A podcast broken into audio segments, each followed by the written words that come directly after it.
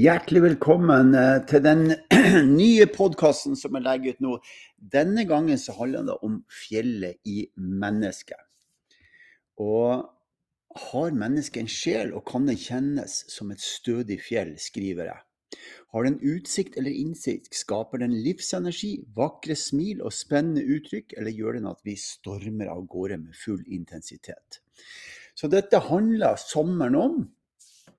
Dette handler dette prosjektet som jeg gjør i sommer, som heter 'Fjellet i mennesket'. Og det vi graver etter, for å komme inn i, eh, inn i metaforen her, da, det er jo at vi graver etter gullet som er i hver enkelt person. Så den podkasten her, den handler om det her. Den handler også litt om eh, en tur til Låvund eh, som er en uh, fantastisk retreat som jeg gjør i sommer, med en pre-camp på Sleneset fra 12. til 14. august. Og fra 14. til 18. august er jeg på Låvund. Der er det 14 fantastiske rom med utsikt.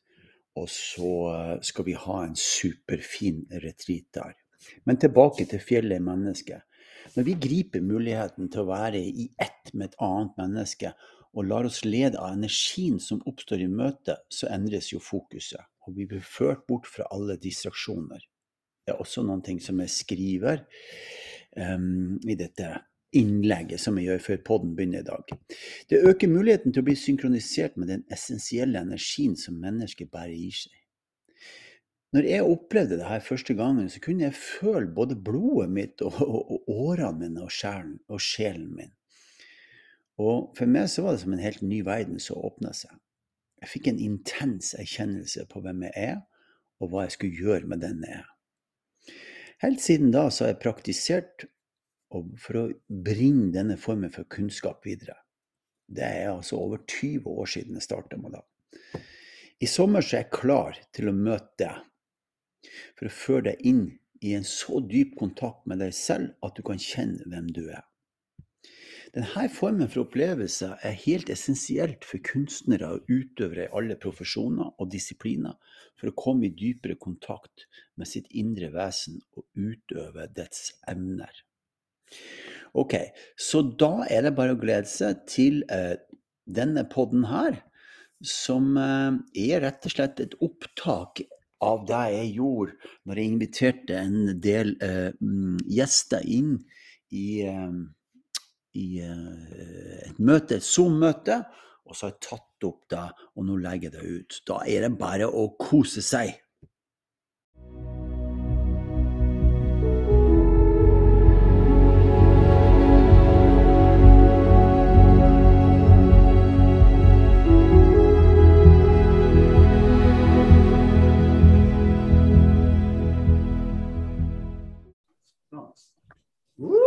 Det er skikkelig sommerregn.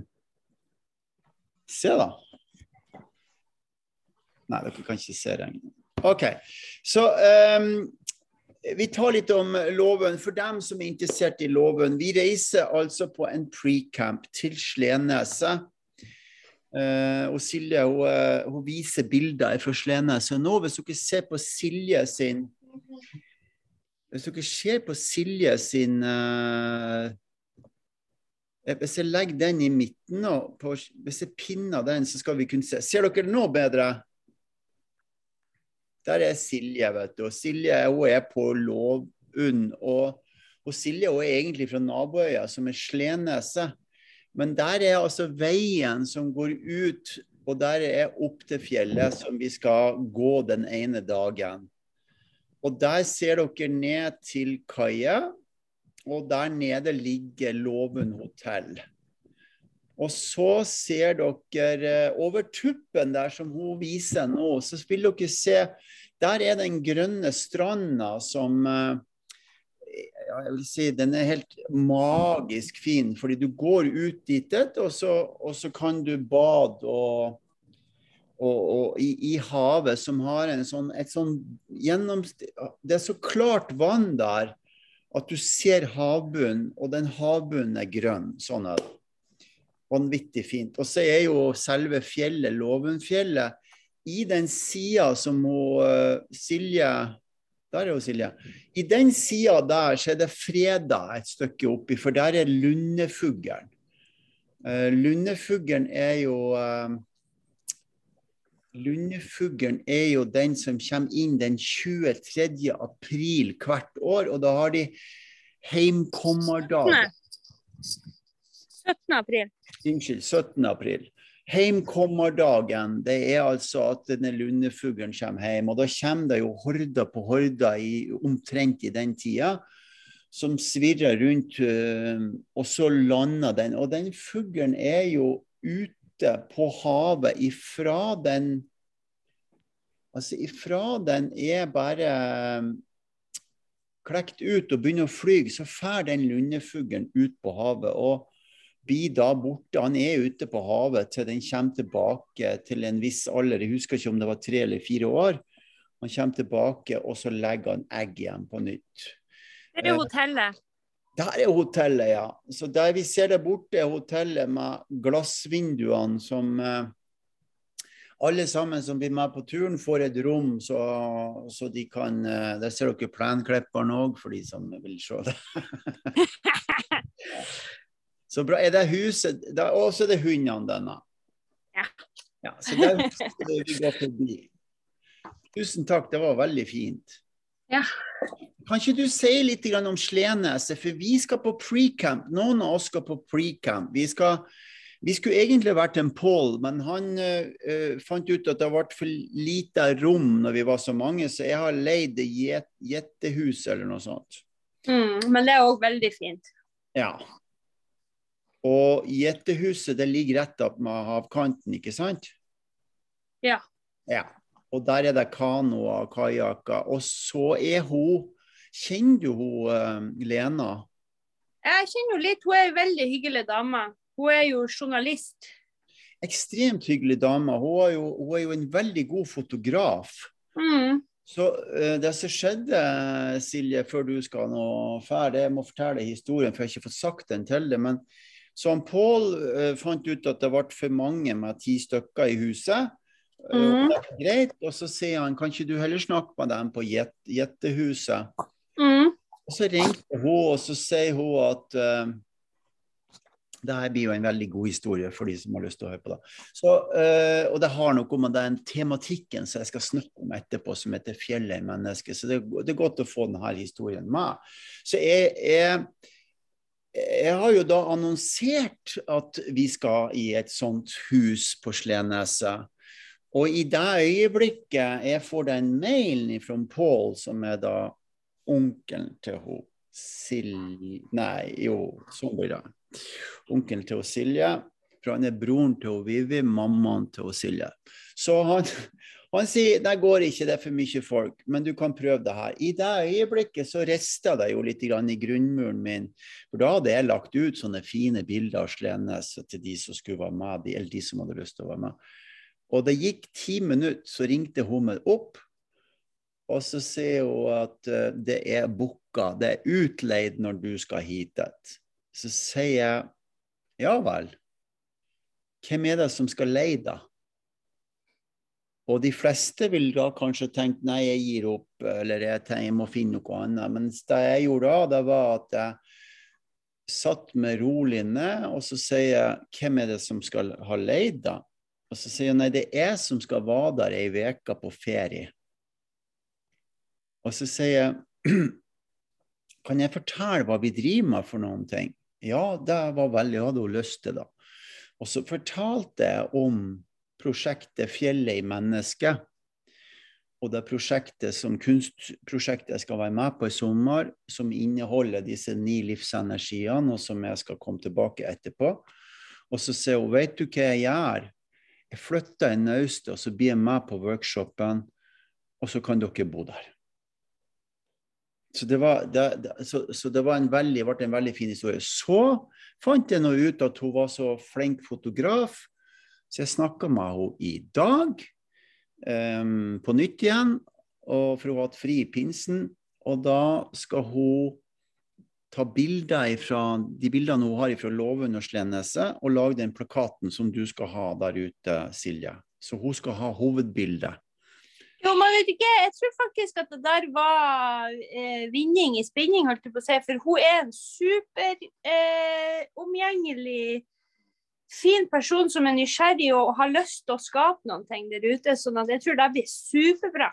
Ja, det tror jeg også blir superbra. Jeg sa da at jeg har jo vært på Sleneset før og, og, og, og, dukka etter blåskjell. Eh, og, um, at vi skal dit og så ha denne pre-campen. Hun er så interessert i alt sånt. Ja, før, hun, før de andre kommer den 14. på søndag den 14.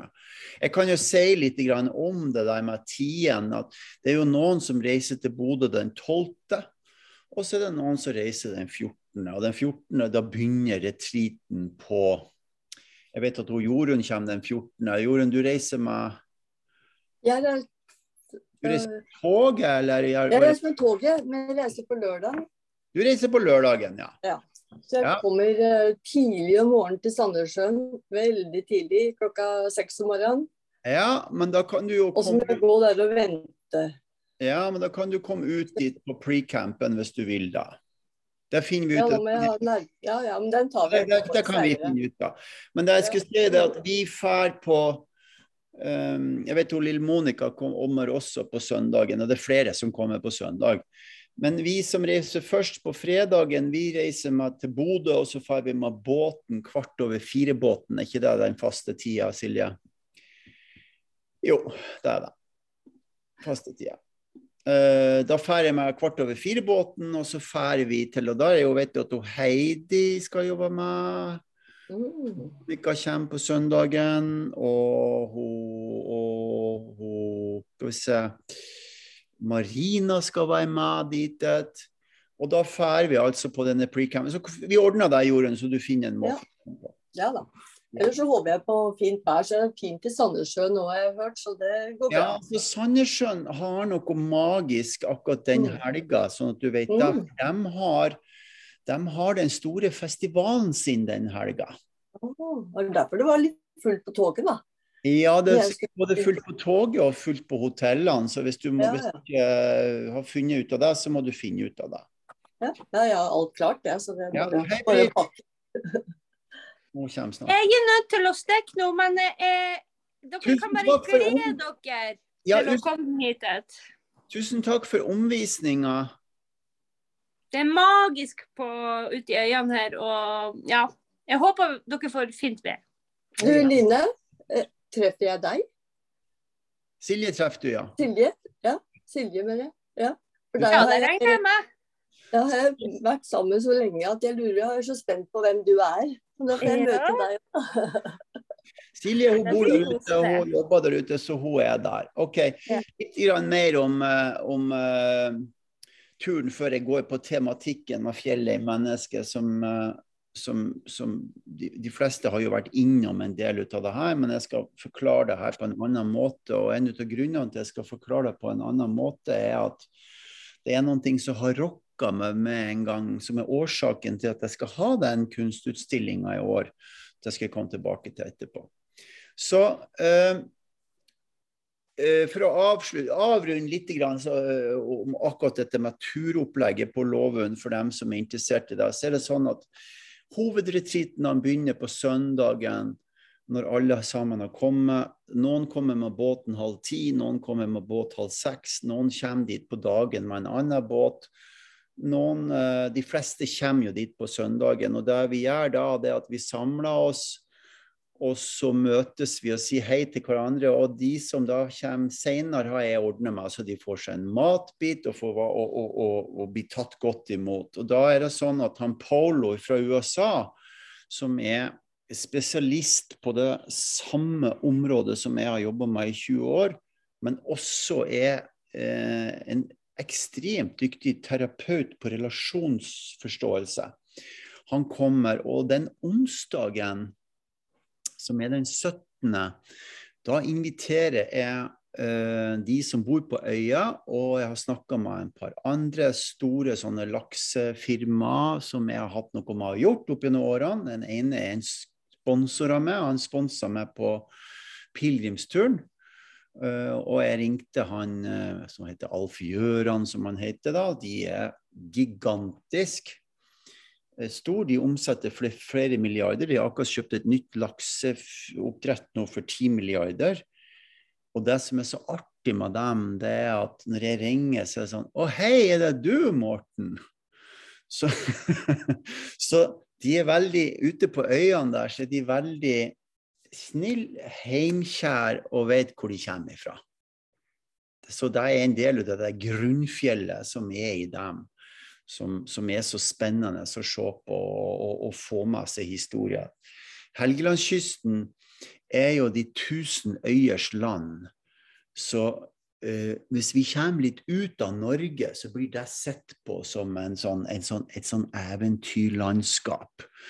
Vi er lite grann hva skal jeg si, vridd, Vi har vridd oss litt mye i Norge mot Lofoten av en eller annen grunn. Og, og, Lofoten er jo fantastisk. Jeg har både sykla gjennom der, og jeg har gått på fjellet der, og jeg har uh, dukka der, og jeg har fiska der, og alt sammen. Og det er kjempe, kjempefint, bortsett fra midt på sommeren, for det er to millioner sånne uh, bobiler fra Tyskland der. Så Helgelandskysten har et, et, et, er litt sånn fenomensk på den måten. Og det er jo fordi at det har ikke veier. det har ikke veier å fære på på samme måten som, eh, som Lofoten. Det er ikke så lett å kjøre til øyene, og det koster veldig mye å fære med ferje. Så det er ikke så mye bobiler. Og, og hvis du skal fære med bobil til Sleneset, så får Jeg vet ikke hvor lang den veien er, Tor Åge. 300 meter? 600 meter? Han er, han er, litt lenger, men det er jo ikke mye vei på noen av Nei, eh, det er jo nesten ikke noe vei. Og, og, og samme på Lovund. det er noe du kan jo kjøre bort til hotellet, jeg vet ikke om det tar ett minutt eller to minutter, og så kan du vel kjøre litt lenger borte der hos Silje. Um, jeg skal si litt om, eh, om Helgeland mer. Så Helgeland er jo som veldig få vet om, så er jo flest er jo kjent med at det er lakseindustri der. Men det som er så spennende som har loven, nei, med Helgelandskysten òg, det er jo at turisten Altså oppdagelsesferden med, oppdagelsesferdene med kajakk og havkajakk og dukking og fisking og faktisk at de har jakt på sel, for de må jakte sel eller kobber da, fordi det blir så mye ut av det. Så det driver de med. Og så har de jo òg verdens nordligste whiskydestilleri på Myken, der jeg har vært. Eh, som er broren til han Eivind Hellstrøm som har.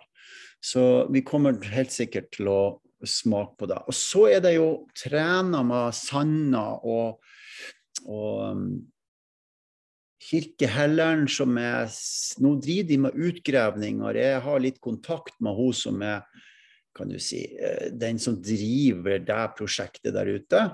Og, og, de holder på å grave der, og dit skal vi fære den ene dagen og gå Kirkehelleren opp. Som Jeg var der i fjor, og når du står på den store steinen Jeg skal bare se om det er flere som prøver å komme inn her. Nei, det er også...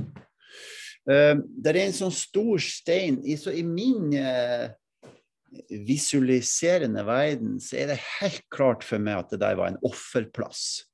For det er sånn temp, det er som du kommer inn i ei kirke, det er derfor det heter kirkehelleren. Og så er det en sånn enorm uh, stein midt inni der som du kan uh, gå på, som jeg er helt sikker på at uh, Jeg er helt sikker på at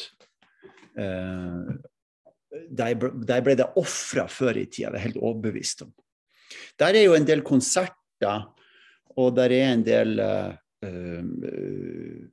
kulturarrangement som foregår der. Vi skal gå dit, og så skal vi gå rundt øya på Sanna, og så skal vi, så skal vi gå til Kirkehelleren.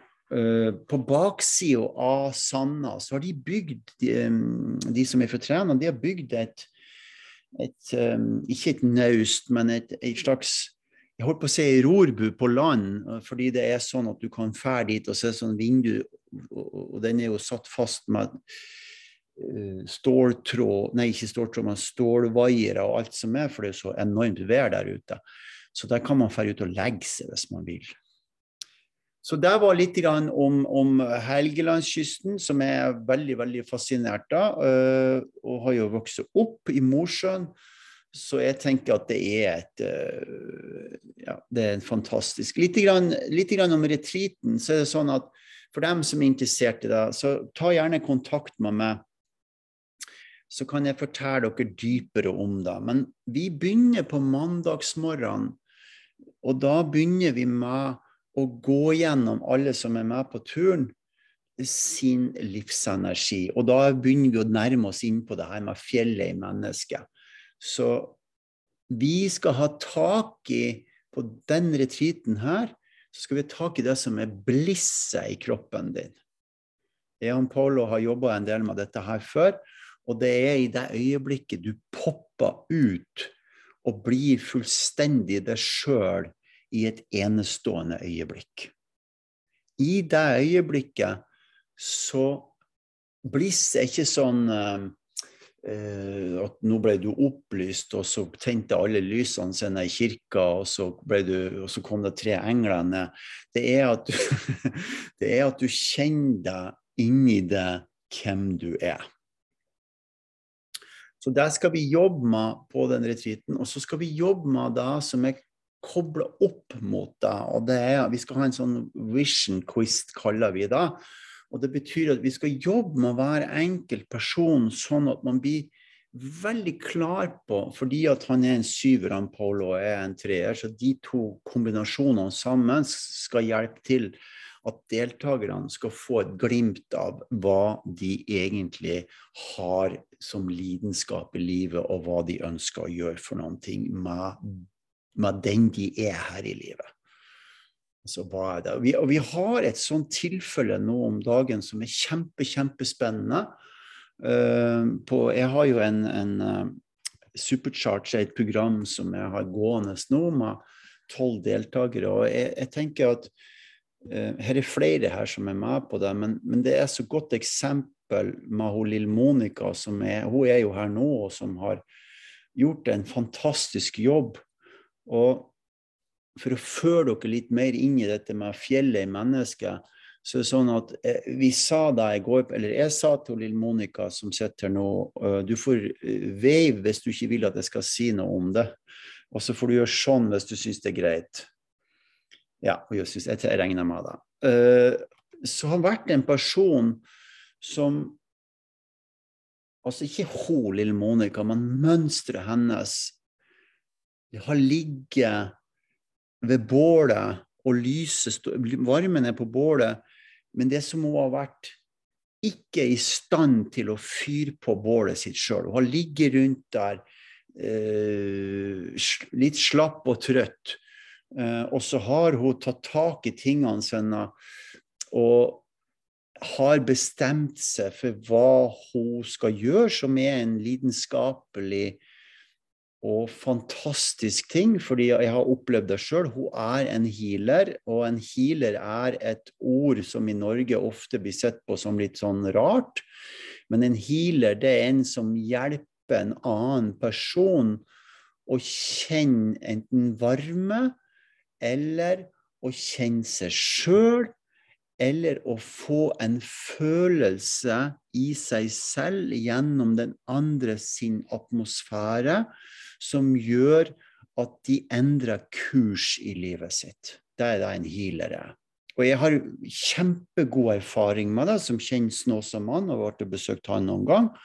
Og jeg var sist forrige helg nå, så var jeg oppe på Rondane og i lag med Oline og besøkte den gamle plassen Nå står det helt stille. Til Marcello Haugen. Og Marcello, hvis dere går inn og ser på hva Marcello gjorde for noen ting, som også fører til dette her som jeg skal snakke mer om etterpå, som er fjellet i mennesket, så um, hadde han en, en, en, gave. Og den gaven var at han var en Han var sannsynligvis den mest kjente healeren som har vært i Europa, bortsett fra Rasputin, som var der. Men vi, Rasputin var jo mye tidligere fra Russland.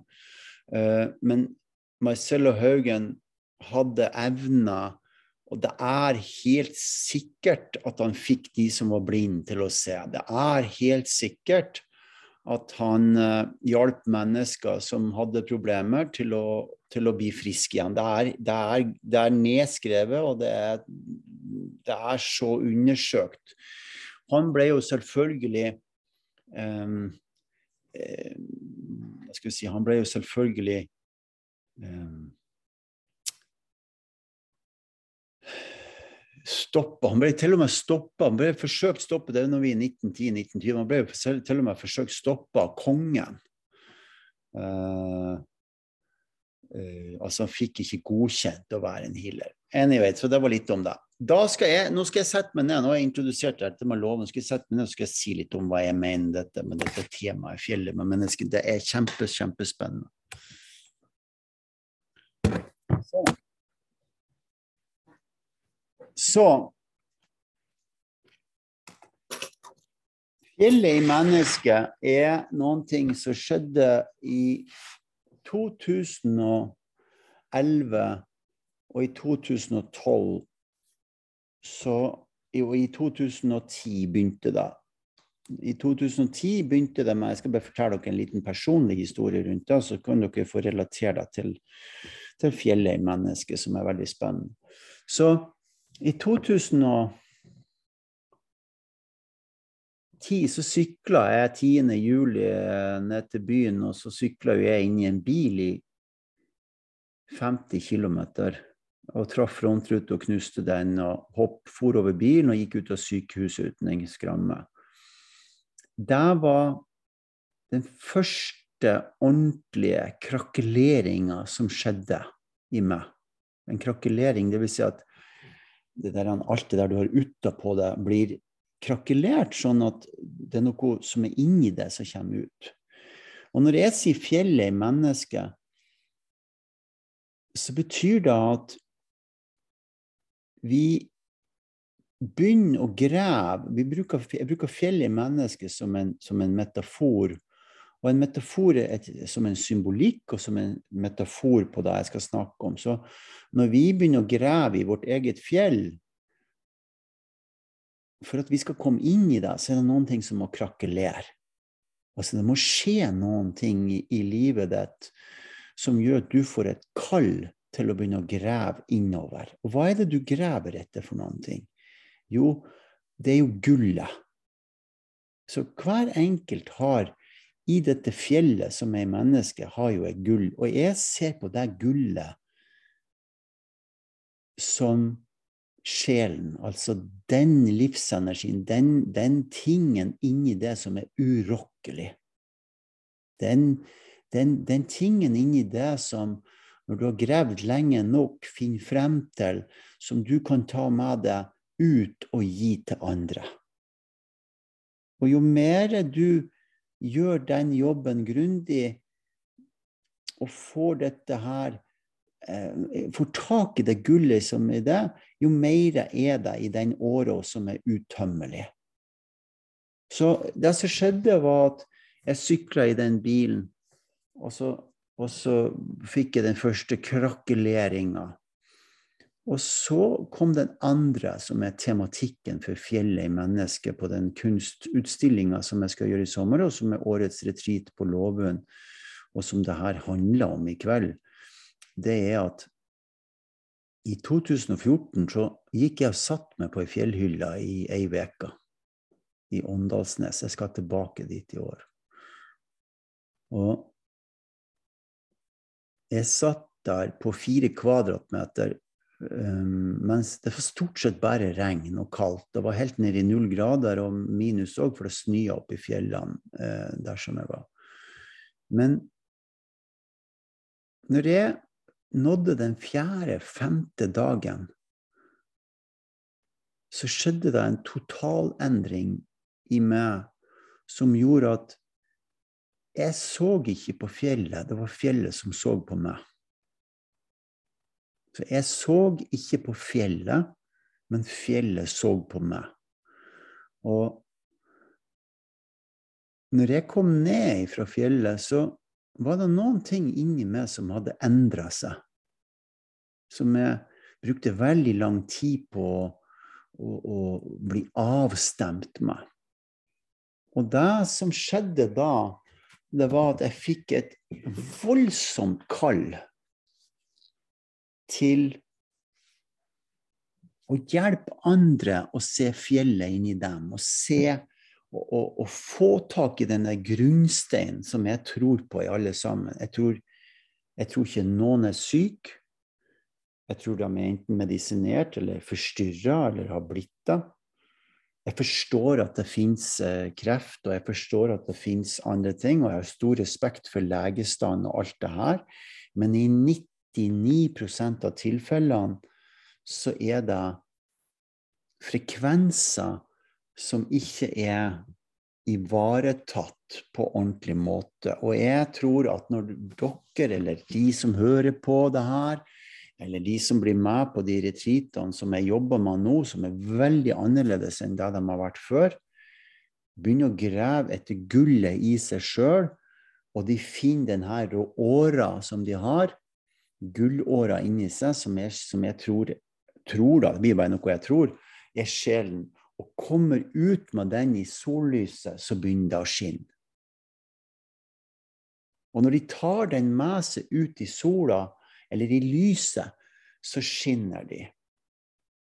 Og når de skinner, så produserer de mer og mer og mer energi. Og det er en gammel historie som er ganske likende som det her, som har med fjellet i mennesket å gjøre. Som har med det fundamentale i mennesket. I Thailand for mange, mange, mange år siden så var det en buddha-figur som sto eh, utafor et tempel. Den var blitt grønn, og så var den blitt den var blitt grønn, og så hadde den grodd igjen, og så hadde den blitt sånn forkalkning på den, så han så ut som en steinfigur. Han var stor, og flere meter høy.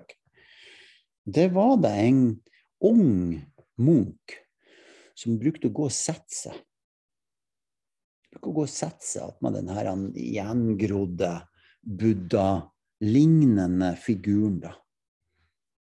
Og så av en eller annen grunn da, så kom han borti den. Han kom borti den, så det datt av et stykke med stein. Og innenfor der så så han at det skinte gull. Så han sprang ned til landsbyen og fikk med seg de andre munkene og de som var på templene, og de dro tilbake til denne gamle plassen inne i skogen, og så gjorde de den rein. Og gullbuddhaen står der den dag i dag.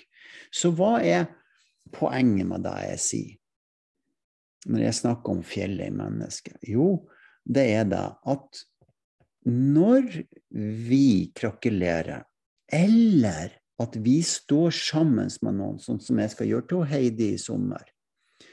Eller dere gjør det. Og to personer får så dyp kontakt med seg, hverandre, at det som er utapå oss av mønster, krakelerer. Så ser vi gullet hos hverandre. Og vi det er ikke bare at vi ser det, men vi tenner gnisten i det lyset kommer på, sånn at vedkommende, eller begge to, opplever ny energi. Og jo mer jeg holder på med dette her med å, å, å, å tenke på det, det her med fjellet i mennesket og dette, denne gravinga som vi holder på med, så er det en av de tingene som lettest gjør at vi kommer inn til gullet. Av alle ting som finnes i disse metodene, så er dette den letteste måten å nå, inn til denne gullbuddhaen som vi alle sammen har inni oss. Så hvis du tillater deg sjøl til å bruke den åpne nerven som du har i, i, i øyet, og sansene dine, Og tillater deg sjøl å gå forbi alle dem. Altså, til slutt så lukter du ikke. Til slutt så ser du ikke. Til slutt så hører du ikke. Til slutt så kommer du inn til en plass hvor det skinner. Hvor det er andre smaker, andre lukter. Det er noe annet du ser. Det usynlige blir synlig. Og før det ser ut for meg som og gjennom å ha holdt på i mange år, 20 år med det her, så ser det ut for meg som om at miraklet skjer når vi kommer bort ifra den vanlige emosjonelle tilstanden som vi opererer i. Og for at vi skal komme ut av den vanlige emosjonelle tilstanden som vi opplever med eh, Naboen kom til meg i stad, og, og, så sier hun «Eh, du har ikke fått ferdigstillelse, for du har skrevet feil kvadratmeter på huset ditt. ikke sant? Så da gikk det sikkert en to-tre minutter før jeg Og da skaka det litt i meg. ikke sant? Dette berget som, som, som skaka litt. Ok, da må jeg dra på kommunen igjen. Det er alle disse emosjonelle tilstandene som vi opererer i, som gjør at vi ikke kommer dypest sett i kontakt med sjelen og det miraklet som er inni oss. Som er inni fjellet vårt, som vi må grave etter for at det skal bli noe nytt og spennende i livet. Og, og denne, denne, måten å tenke på er akkurat det samme som Joseph Campbell snakka om i den viktigste boka man egentlig burde lese, som heter The Hero's Journey. Hvor det er akkurat som en telefon som ringer og sier 'hallo'. Nå er det på tide at du forlater redet ditt og gjør noe annet enn det du har holdt på med i livet så langt. Og så kan du velge da om du skal legge på røret, eller om du skal høre hva som blir sagt. Du kan velge om du skal legge på røret, eller om du skal høre hva som er sagt. For den ringinga ringer på summetonen din. Og da kommer poenget mitt med fjellet i mennesket. Når jeg satt i ei uke på fjellet og møtte alle de folkene som ga meg alle den energien de gjorde, for det var kjempeviktig. Det hadde ikke vært det samme for meg om jeg skulle sittet på fjellet helt alene uten at noen kom. Det ble masse energi at det kom folk. Da fant jeg summetonen min.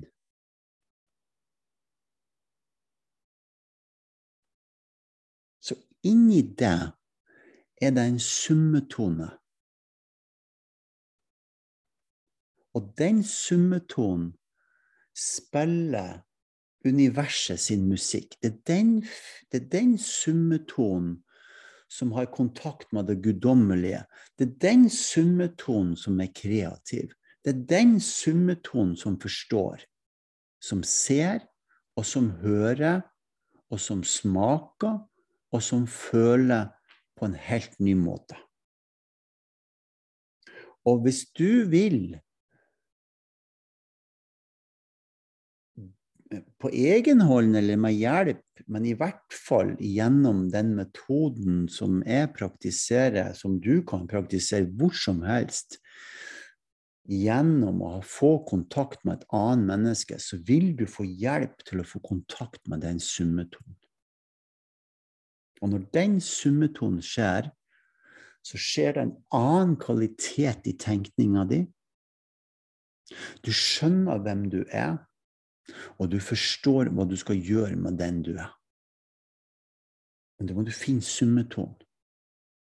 For det er en lyd i universet, det er en lyd i fjellet, det er en summetone og lyd av det som har en frekvens som sendes, forsøkes å sendes ut hele tida, men som veldig ofte er bekledd av det samme som buddha-figuren i Thailand var. Og der må krakelere, sånn at du får tak i gullet som er inni deg.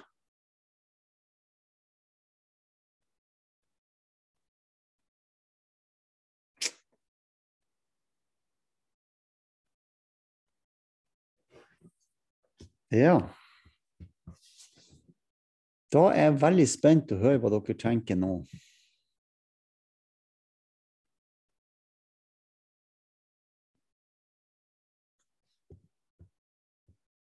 Det er noen som har lyst til å si noen ting?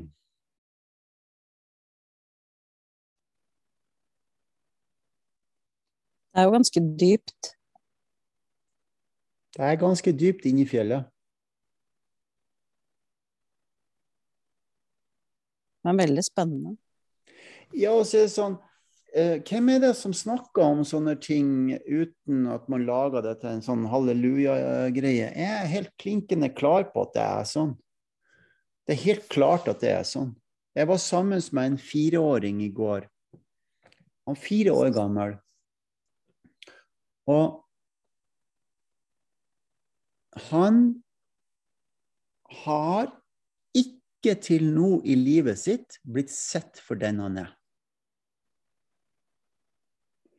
Jeg var i lag med han, og han var så glad når han ble sett, at det var et eventyr å se på. Han lyste opp som den lille buddha-figuren, for den buddhaen er i oss alle sammen.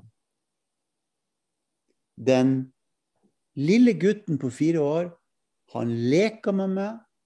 Vi fant en fellesnevner som heter ketsjup.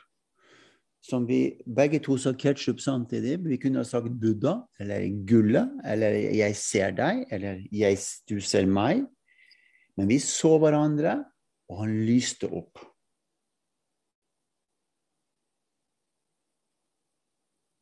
Han var fire år. Og allerede nå, når han er fire år gammel og har opplevd det her, så er det det samme som mor Teresa gjorde. Jeg sier ikke at det er noen mor Teresa, for jeg snakker ikke om meg, jeg snakker om oss. Alle vi, alle vi kan gjøre det her. Som mor Teresa gjorde. Hun visste at hvis de barna som var nede i kloakken, ble holdt én gang, så skjønte de hva kjærlighet var. Bare én eneste gang så skjønte de det. Det var hennes visjon og misjon. Min visjon og visjon er å få kontakt med så mange som mulig på denne måten, slik at det blir det samme for dem som det er for den fireåringen som jeg møtte i går hjemme her i skogen. Han ble så levende som Buddha noen gang har vært. Og der inne er gullet.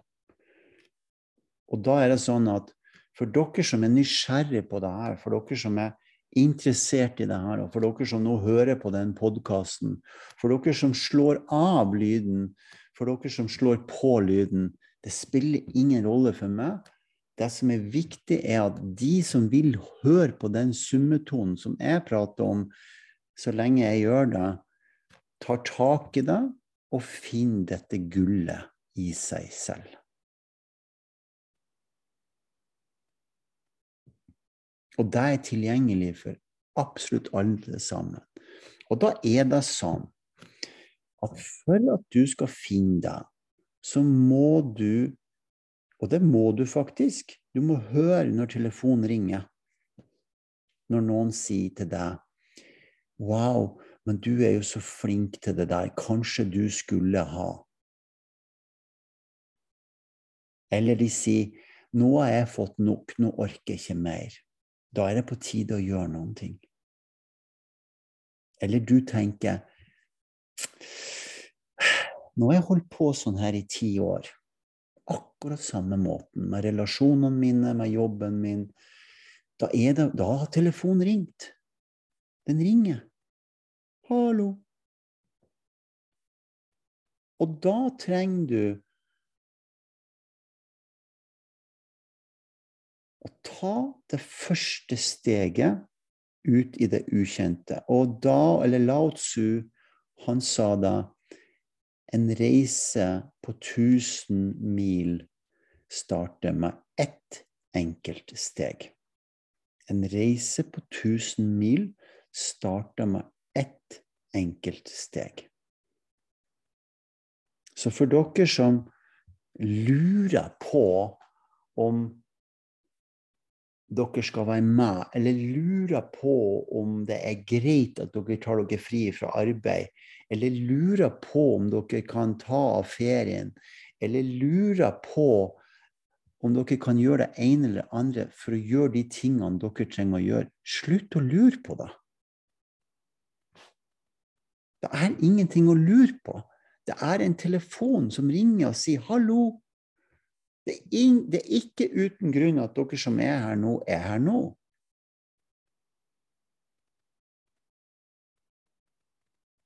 Det er jo en grunn til det.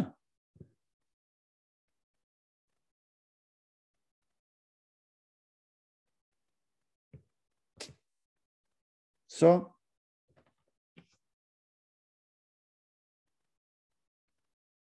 Gå ut i det ukjente.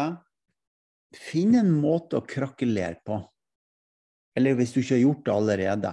Sånn at det blir en åpning.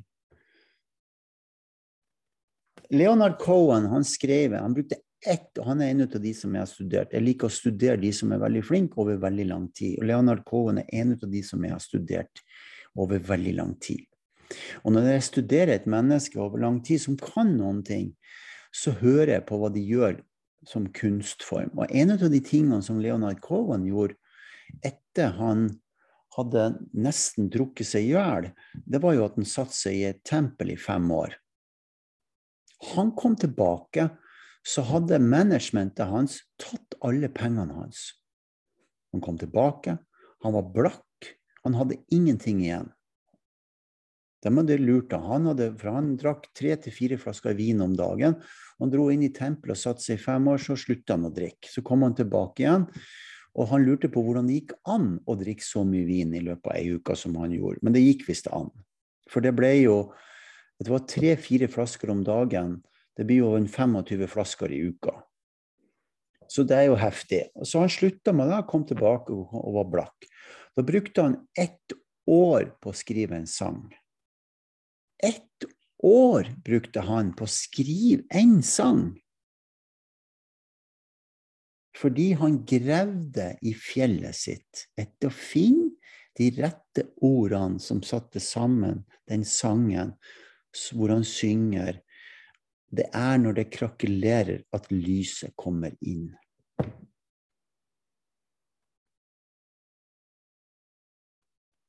Det er bare da lyset kommer inn. Så det er det jeg har på hjertet i dag. Og så kommer jeg til å fortsette med samme budskapet. Det spiller ingen rolle for meg lenger hva folk tror for noen ting på hva jeg sier, eller om de har meninger om det. Den summetonen som jeg synger, den kommer jeg til å fortsette med. I år og i sommer så skal jeg heldigvis på Ekstremsportveka så skal jeg reise til uh, Heidi, og så skal jeg reise på Norsk Fjellfestival.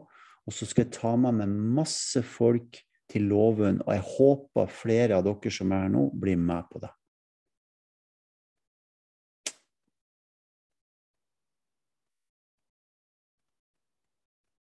Er det noen som har noen spørsmål, eller noen som har lyst til å si noen ting? Jeg har lyst til å si noe. Jeg håper også at flere melder seg på og blir med til loven. For det, det tror jeg blir helt fantastisk. Det blir helt fantastisk.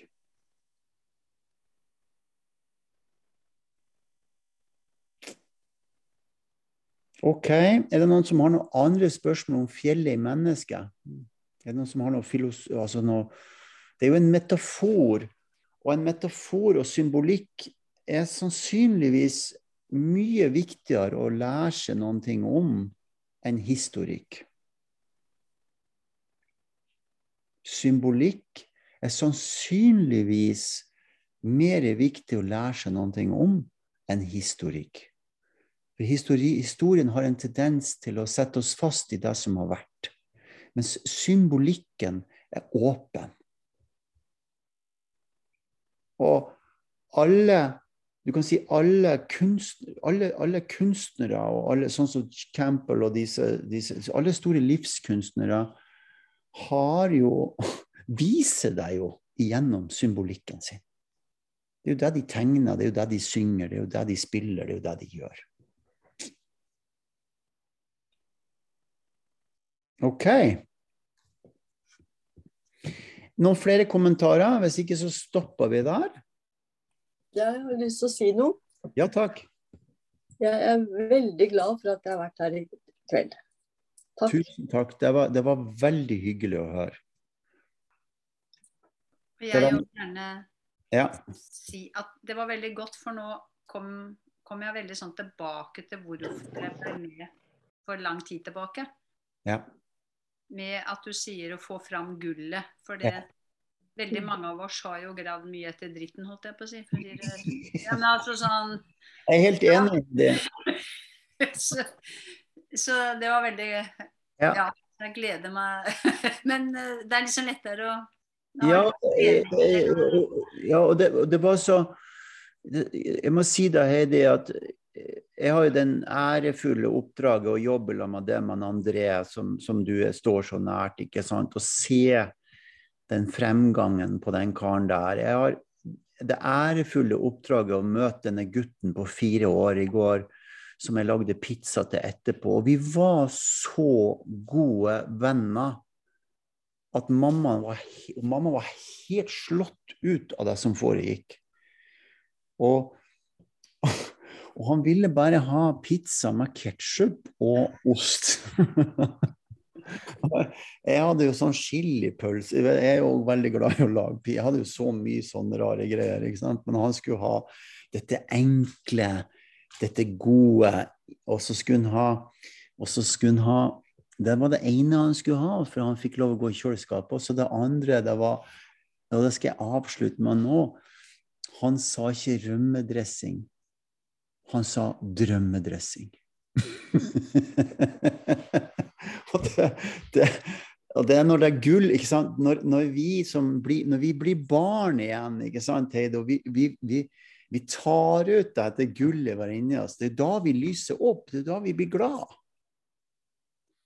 Og ikke grav i skiten. Grav etter gullet. Finn gullet og del det ut. Og så håper jeg det, Jeg håper flere blir med. Låventuren er fantastisk, ikke bare fordi at vi skal på tur, men også fordi at jeg har bestilt reisen til han Polo som kommer fra Boston og skal være med. Og han er en enorm ressurs. På snart, han er snart 70 år gammel og er en enorm ressurs. Bare det burde vært nok til at 200 stykker meldte seg på. Hadde de visst hva, hvem, hva han står for.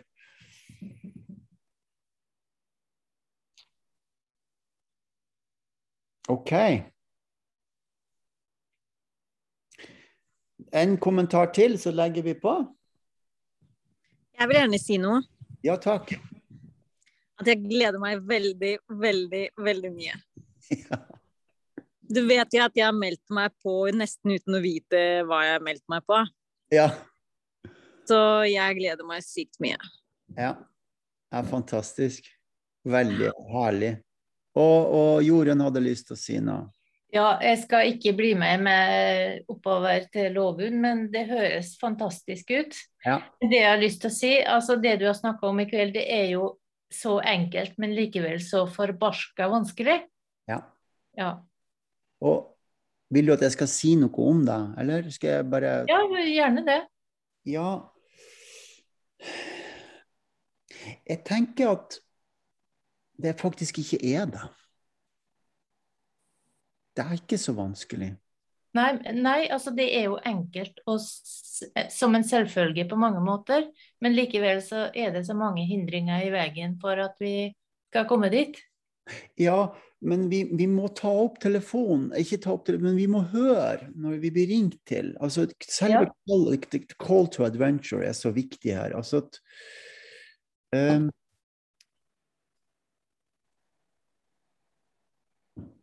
jeg kunne ha sagt til deg nå, Jorunn Jo, Jorunn, du skal være med.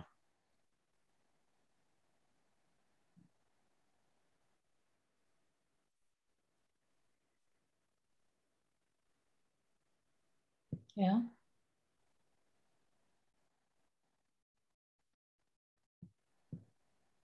Vil du være med?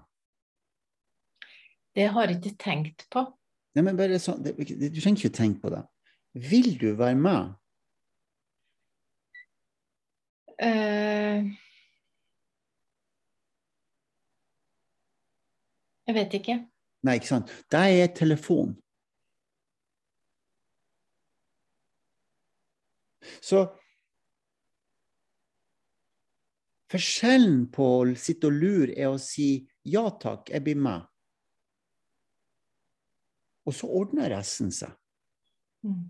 For hvor ofte er det vi blir invitert? Hvor ofte er det telefonen ringer? Hallo? Hvor ofte ringer telefonen og sier 'hei, skal du være med'? Mm. Det ringer jo nesten aldri, kjære alle sammen.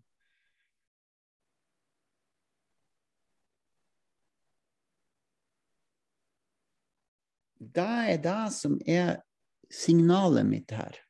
Mm. Ja.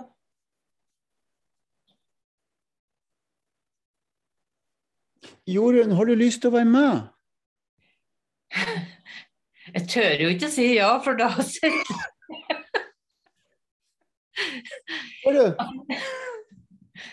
Altså, da, da kommer jo det her eh, Penger, tid, hvem skal passe katta, ikke sant? Altså alt det der.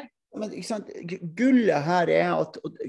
Gullet er å ta imot når noen, når noen ting blir Ja, Ja, ikke sant? Det er å ta imot. når noen ser det. Jeg ser det. Så får man finne ut etterpå om Nei, man må ikke finne ut noen ting etterpå. Det blir tilrettelagt. Mm. Så hvis du sier Når noen, når noen ringer deg og sier Hei, Jorunn, skal du være med på båttur i kveld og fiske hummer? Og så ser du deg sjøl i speilet, og så sier du Nei, for jeg skal lage um, ertesuppa nå. og gå rundt og Ja, Ja. ikke sant? Mhm. Men jeg fikk jo faktisk en telefon i dag, da. Ja, Ja, jeg gjorde det. ikke sant? Så det er kontinuerlig være tilgjengelig for kallet. Mm. Og for Guds skyld ikke si nei. Nei, må bare finne ut hvem som skal passe katta først, da. Vi tar med katta. Tenk deg om katten får eh, Tenk at katten kommer på låven eller får være med på hummerfiske. Ikke sant? Ja. ja da. Nei, jeg tuller bare nå, da. Jeg, jeg, skjønner det, men jeg har en lignende historie, og, og Line sitter ved siden av meg her. Vi, vi, vi, vi skal reise til ekstremsportvekk og rundt omkring. Hun skal være med i sommer, og det er en big deal, selvfølgelig. Og, og hun har en utrolig kul hund som heter Happy. Som er, som, kom- som er her. og han er i i, når han er rundt husene i Lillestrøm, hvor det er mye trafikk, så er han helt umulig. Mens når han er her oppe i skogen, så er han filosof. Han sitter ute i timevis og bare ser. Mm. Da er han helt annerledes. Ja.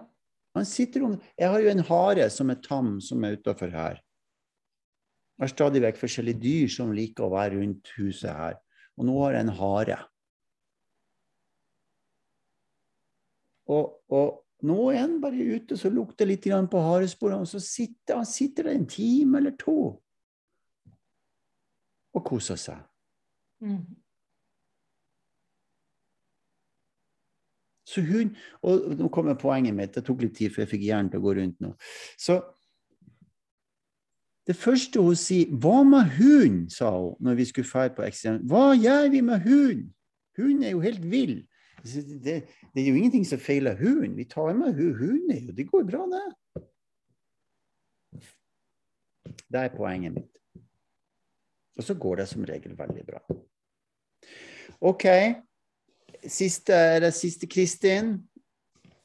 Har du noe du har lyst til å si? Jeg har lyst til å være med. Ja, du kommer til å være med. Det har jeg sagt lenge.